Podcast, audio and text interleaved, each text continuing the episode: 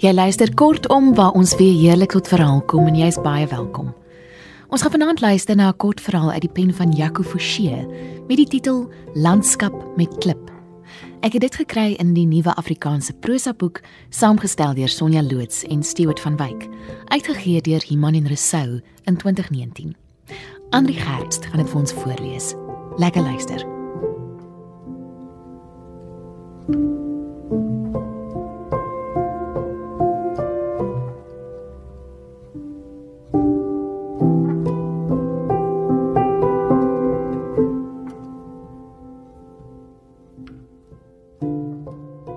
Teerpad strek met die berg langs tot waar dit gelyk gaan lê tussen die gehuggie en 'n klipkoppie. Ander kan die koppie val die wêreld weg oor die Boland Wes en die Swartland Noord. Oor lappies bewerkte grond, plaashuise, kleinerige damme en 'n dorp. Verder aan is 'n chemiese fabriek wat van tyd tot tyd die lug besoedel en ook 'n groot dam wat dikwels die lug vang. Oom trek nou vra Duncan die bejaarde man. Dis maar hulle twee wat hier op die pas woon. En hy sien in die ouer mens 'n sonderlinge figuur. Wat daar was vir geselsies en koffie en af en toe 'n gedeelde bottel wyn uit een van die vallei se kelders. Hulle help mekaar. staan mekaar min of meer by. Een nag het die oom hom gehuisves toe hy sy kamer se sleutels verloor het. Hy sluk by die herinnering. Hy staan voor die huis met die heldergroen broekielys onder die geete. Dus kan die silwergeverfde heiningdraad in die rye potplante in reeds geroeste koffieblikke wat wag om gelaai te word. Praat teen die kliptrap op na die stoep waar verskeie kartonbokse gepak staan. Twee mans dra die bokse aan na 'n trok voor die motorhek. Wat maak ek langer alleen hier? Die ou man is klein op 'n manier wat Duncan se hart raak. Agter hom is sy voordeur oop, 'n bo en onderdeur. So groen soos die broekielys aan die geete. 'n Kleur wat ook in die houtvensterrame aanwesig is. Dis die groen van jong groei, van onskuld. Voor ervaring, skakering uitblyk. Duncan praat versigtig onseker of hy selfsugtig is. Dit raak eensaam hierbo wanneer die winterstorms kom en jy in die nag luister hoe die wind aan die dak ruk. Dit gaan 'n ander lewe in 'n ouete huis wees. Teen die heiningpaal by hom beweeg 'n vaal dingetjie teen die grouwe hout. Ek dit is hy, fluister hy. Jy besluit nog eendag self op 'n ander lewe sê die ou man met wysheid of weemoed. Ek bly hier tot die einde. Danken laat wip wip sy wysvinger soos 'n reptiel koppie. Die akedissie skarrel weg. Ai, sê hy. Ek wou hom mesmerise. Hoe vorder jou boek? Kom dit van die stoep af. Meer as 200 fotos uitgesoek. Hulle kan kies. Sal so 80 gebruik moet die teks skryf. Dis lastig. Doen dit. Wie weet wat jy weet van die kloof? Waarvan het jy fotos? Oom Lou, als hier in die kloof. Slange, bobbejane, bokke, spinnekoppe, insekte, disas, proteas, bome, rivierpole, berggange, waterval. Het jy fossiele op jou lys? Jy moet hierdie fossiel onthou, die man wat hier bo gebly het sal 'n draai by die huis maak met fotos. Duncan sê dit nie baie geduldig nie. Aangename sekondes gaan verby. Hulle kom goed oor die weg sonder dat hulle heg bevriend was. Die weewenaar wat al van die ou dae af hier woon en hy, die rustelose 40-jarige wat hier aangekom en gebly het. Die twee karweiers kom meld aan. Om oom Lou is die stoep leeg van bokse Die potplante is ook gelaai. Ons moet ry, meneer. Dan gee ons als by meneer Groenewald af. Ja, sê oom Lou. Ek ry later. Hy sal julle my kamer wys. Danken kyk die mans agterna. Wanneer oom Lou gery het, sal dit net hy wees. Die ander huise is verlate. Dis nie naweek nie, en daarby ver van Paase en Kerstyd af. Die enigste tye wanneer die gehuggie werklik bedrywig is. Hy gaan foto's neem vanmiddag. Dis wat. Bye, sê hy kortaf en loop bedruk, verwytend. Dag, Duncan, sê die ou man gelate. Weer daardie ding. Wysheid of weemoed. Duncan stap verby 'n plek wat studente huisves wat die berg besoek. Onnet soos die meeste huise hier. Dan gaan hy oor 'n grasperk na die agterste strate nog huise. Daar's 19 eiendomme hierbo. Sommige groot en versorg, ander klein, sommige afgeskeep. Een se ruitte was tot onlangs uit. Maar op aandrang van die nie-amptelike huiseienaarsvereniging wat deur iemand in Durban wil bedryf word, is die plek herstel en selfs geverf sodat dit nou in die mark is. Die huiseienaarsvereniging ondergaan fases van geesdrif. Hulle dring tans aan dat eienaars swart wattelbome ook die opskietelinge van enkele sentimeter hoog uit hulle erwe verwyder. Daar is ook besorgdheid oor die rivierwater in die kloof wat met valleiboere gedeel word. Dankie net die inisiatiewe goedgekeur. Die gehuggie en die kloof en die pas moet opgepas word. Die wêreld gaan stellig tot nit. Maar tot dan hou jy jou hand op dit wat jy om jou vergader het. Duncan draai tussen twee huise in en loop met 'n tweespoorpaadjie langs verby sy bakkie onder 'n venster. Sy kamer sit aan die rand van die kampterrein waarvan hy opsigter is. As iemand regtig die bakkie wil steel, sal hulle dit kan doen voor hy buite kom, maar hy sal hoor en 'n poging aanwend om te keer. Dis net om te voel 'n mens probeer. Die wêreld is in stryd. Was nog altyd. Maar kyk wat gaan vandag aan. In sy kombuisie sny hy groente op en kook dit min of meer sag op sy gasstoofie. Eet dit met 'n ongesond dik stuk ham.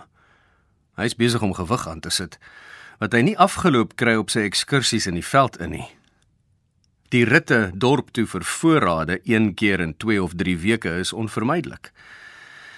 Die ideaal is dat hy vir homself sorg uit die veld of uit 'n groentetuin en miskien 'n hoenderkampie. 'n Mens raak gemaklik Jy wil nie afstand doen van produkte soos vrugtesap, meel, ontbytgraan, vleis nie. Daarbey kom die DVD's en rekenaar wat hom toelaat om tog met die wêreld verbind te wees.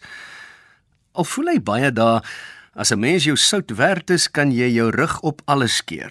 Jou kamer sluit, die sleutel weggooi, die klowe instap, 'n manier vind om te leef. Na ete blaai hy deur die foto's op sy skootrekenaar kyk na drie van oom Lou lagend op sy stoep. Sit liewer die rekenaar af, slaap 'n ruk. Gaan teen laatmiddag met die kamera uit. Nou is die lig op sy beste en kan hy die uitsig na die noorde afneem. Hy stap verby die huise met die teerpad langs tot by die koppie met die baie klip. Hier het vroeër 'n groot slang gehou wat hy nog nie hierdie jaar gemerk het nie, maar hy bly uitkyk daarvoor in die hoop om dit af te neem. Dan kyk hy terug na oom Lou se huis en is verras om te sien dat die voordeur oop staan. Die foto sal eers moet wag. Hy druk die hekkie na die erf oop. Stap om die huis om te kyk of die motor nog daar is. Dit staan daar. Die bestuurdersvenster afgedraai, die sitplekke vol klere en gordyne en handdoeke en iets vreemds. 'n Hoedetas. Seker die oom se oorlede vrou se Duncan kyk na die huis. Die vensters met die luike toegemaak, die agterdeur met die veiligheidshek. Gaan dan na die stoep, klim die trap uit, stap in. Die ou man sit teen die muur. Sy knieë is opgetrek en sy kop rus op sy arms.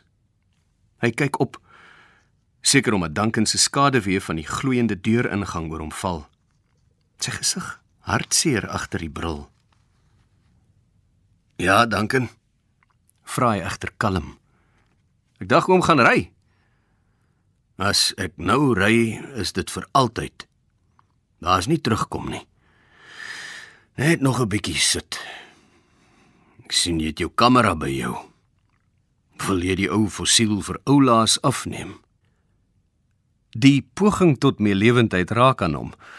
En ongemaklik kap kap hy met die lens teen sy bobeen. Oom Lou praat weer. Ek het nie eens koffie om jou aan te bied nie. Dis ingepak. Of wyn. Wyn sou nou lekker gewees het. Maar ek moet bestuur. Moenie so met oop deure sit nie. Sê Duncan strak. Jy is daarom nog hier. Oom Lou glimlag. Roer sy knieë versigtig asof in ongemak. Mense het eendag gevra of dit hier spook. En toe sê ek, dis ek en Duncan. Ons spook hier. Nou sal jy alleen moet. Duncan bly staan, weer bewus van die ou mense kleinheid in die leë vertrek waar 'n skoongeveede kaggel in die hoek die naaste aan meublement kom. Hy het al hout aangedra vir daardie kaggel. En dan sit hy en die ou man hier, praat oor sy oorlede vrou vir wie Duncan nooit geken het nie. Met die kinders in Australië wat hom versoek om te kom want hy kan nie alleen bly nie en kyk hoe lyk Suid-Afrika. Wat sê die kinders? As hulle bly oom gaan in die huis in. Ek weet nie meer van kinders nie. Hulle is vreemd. Probeer ook maar die gewete sus. En dis makliker vir hulle om my in hulle lewens in te neem as om my my eie toe te laat. Maar ja, hulle is seker verlig. Hoewel dit nie vir hulle ideaal is nie. Oom was lank hier. Hy neem op die houtvloer oorkant hom plaas, versigtig met die kamera. amper 30 jaar. Ek het 'n goeie aanbod op die plaas gekry en ons wou wegbreek en hierdie deel het ons altyd gefassineer. Toe tree ek jonk af. Wie kan sê ek het 'n fout gemaak? Het ek? Maar jy weet hierdie dinge. Jy voel nou net verplig om my geselskap te hou. Ek was 'n hele paar keer hier. Dit sê iets. Duncan sien die glans van die deuringang af oor oom Lou se brillense beweeg soos hy sy kop laat sak. Die oom sê: "My dogter wil hê ek moet kinders oppas en ek wil nie my laaste jare so deurbring nie. Ek het my beurt gehad met kinders." "Ja, vir wat sal 'n mens dit wil doen?" vra Duncan om iets te sê. "En jy, Duncan?" Jy is nog tevrede om hier te bly. Jy met jou kamera en jou boek in die kamp. Hy knik, vee oor sy gesig. Probeer iets sinvol sê. Dis nie 'n slegte lewe nie. Jy wil nie teruggaan nie. Boere gaan vertel wat om te plant en wie om aan te stel nie. Danken lag 'n bietjie. nee, Nou dis die hare lewe daardie. Altyd pas op wat jy sê en vir wie. Dis mos so dat 'n mens baie moeite moet doen net om met ander oor die weg te kom. Mors van tyd. Hier is ek op my eie. Wanneer die skoolkinders kom kamp, vat ek hulle berg in en hulle hoor wat ek vertel en ek voed iemand op. Maak so 'n verskilletjie. Ek kan dink. Oom Lou maak sy bene stadig reguit druk teen die vloer. Klaar weer stof. Ek kan dit voel. Ek het 'n hen geword. Altyd bewus van skoonmaak en kos maak. Hm. Dit is aan die donker word. Ek moet gaan, danken. Dit help nie ek talm so nie. Hy leun eenkant toe. Vou sy bene weer onder hom in, kom met 'n hand teen die muur en 'n trek van die gesig regop. Duncan het gemik mik om te help. Dit op die ou end nie gedoen nie. Eerder self regop gekom. Kamera in sy hand. Oom Lou stap na die voordeur. En daar agter haal hy 'n bossie sleutels van 'n hoedhak af. Hy glimlag. Onthou jy toe jy jou sleutels verloor het? Toe kry jy dit in die bossies die volgende oggend en dit was toe ek hier gebly het. Ja. Hy praat kort af moet die ou man stil maak. Jy hoef nie ongemaklik te wees nie, sê die oom. Weer met daardie iets wat wysheid of weemoed kan wees terwyl hy na Duncan opkyk. Sy blik skuif van die ou man se onduidelike gesig weg vir 'n laaste keer deur die lewe vertrek. Dan is hy op die stoep waar die laatmiddag skemer geword het en die hemel na die weste vaal geel en dooie rooi vertoon. Die aandster soos 'n obese orakel in die lug. Dit koel geword, sê oom Lou gesellig. Sluit die deur, voel voel aan die knip om heeltemal seker te wees. Hulle stap met die stoeptrappe af na die tuin en om die huis na sy motor. Nou ja, Duncan, sê hy nadat hy die motordeur oopgemaak en na hom gedraai het. Ons groet weer. Dis so stil in die tuin om hulle, in die gehuggie, in die berg. 'n Wand staan na die suide, massief en bleek donker teen die hemel waarin die sterre uitkom. 'n Onverbiddelike teenwoordigheid en tog neutraal. Wat se boosheid is daar van 'n berg te wagte? Um Goed gaan, oom Lou. Hy vat die ou man se hand, voel hoe hy blykbaar op impuls teen hom wil druk, tree terug van die dreigende omhelsing af. Die ou man is 'n skaduwee voor hom. Reeds iets waaroor hy weet hy nie sal wil top nie. Oom Lou huiwer nog. Danken verwens hom daarvoor. Ons het nooit in besonderhede gepraat nadat die polisie hier was nie. Jy moenie jouself blameer nie. Wat is daar tog in so 'n situasie te doen? Ek moes gebly het. Toe spring ek deur die venster en laat oom Dankin se hart klop pynlik. Moes hy foto's gaan neem terwyl die lig reg was en hier weggebly het. En daar lê die man dood. Dankin kyk oor die heining na die ander huise binne sig. 'n Motor met hoofligte aan kom te vinnig in die pad verby. Dit was 'n besturing, sê oom Lou. Ek is jammer die man is dood, maar as dit nie vir daardie klip was nie, kon dinge erger gewees het. En daar staan jy, klip en al. My oppasser. Danken skud sy kop. Te veel. Te veel. Die oom gaan sag voort. Ek kan agterkom jy wil nie onthou nie. Genoeg is seker klaar gesê. Daarna het jy opgemaak vir wat gebeur het. Die polisie het gesê die man sal terugkom en jy wat snags oor kan die huis tussen die klippe waak. En jy neem die fotos in die donker toe hulle weer wil inkom. Dis nagsig toerusting. Die kamera wat ek gekoop het. Daarna was ek voorberei op 'n wettige manier. Hulle is gevang en weggesit. Ons gaan met ons lewens aan. Jy moet ook moenie 'n gevangene bly nie. Wie's eerder 'n spook? Ek en jy was goeie spooke hierbo. Is alles reg met oom? Vra Duncan kortaf. Liewe magtig, maar ou mense kan knaand wees. Ek kan jou verseker ek sal dit nooit vergeet nie. Maar ek is 'n volwasse man met wat jy seker 'n vol lewe kan noem agterom. Ek was getroud. Ek was 'n boer, ek het kinders gehad, ek het iets van die lewe gesien lank voor ek hierdie deel van die lewe moes kom aanskou. 'n mens oorleef baie. En nou dink die mense ek het weggehol toe oom my die nodigste gehad het. Wat kan 'n mens sê? Jy het hom doodgeslaan? Moes jy nou in die tronk sit? Moenie. Die man het eenvoudig sy kop teen 'n klip gestamp. Niemand het oor besonderhede gevra nie.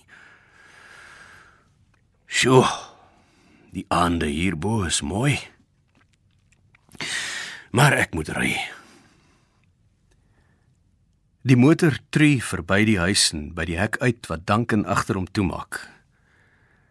Die rooi agterligte en die enjin dreuning raak weg om die draai by die klipkoppie. Duncan wag in die donker, bewus van die stilte en die nag wat voorlê. Toe hy na sy eie woning aanstryk, loop hy stadig. Naby sy plek hoor hy iets wat hom laat gaan staan. Met tussenposes klink die roep van die voël op, borrelend en vrolik. 'n Klank wat deur die aand dra en danken op 'n manier tref wat hom opbeur. Hy luister mooi.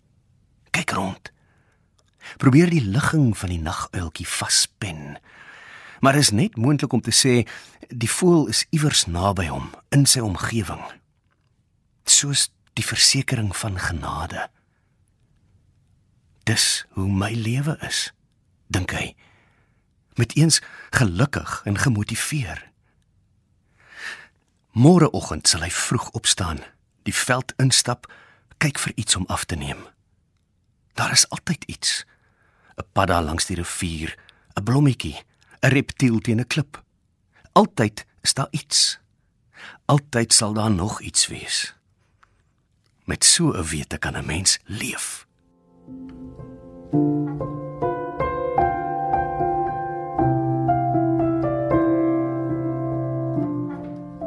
Dit was dan Landskap met klip deur Jaco Forsie, voorgeles deur Andri Gerbst. 'n Heerlike aand vir jou. Tot volgende keer.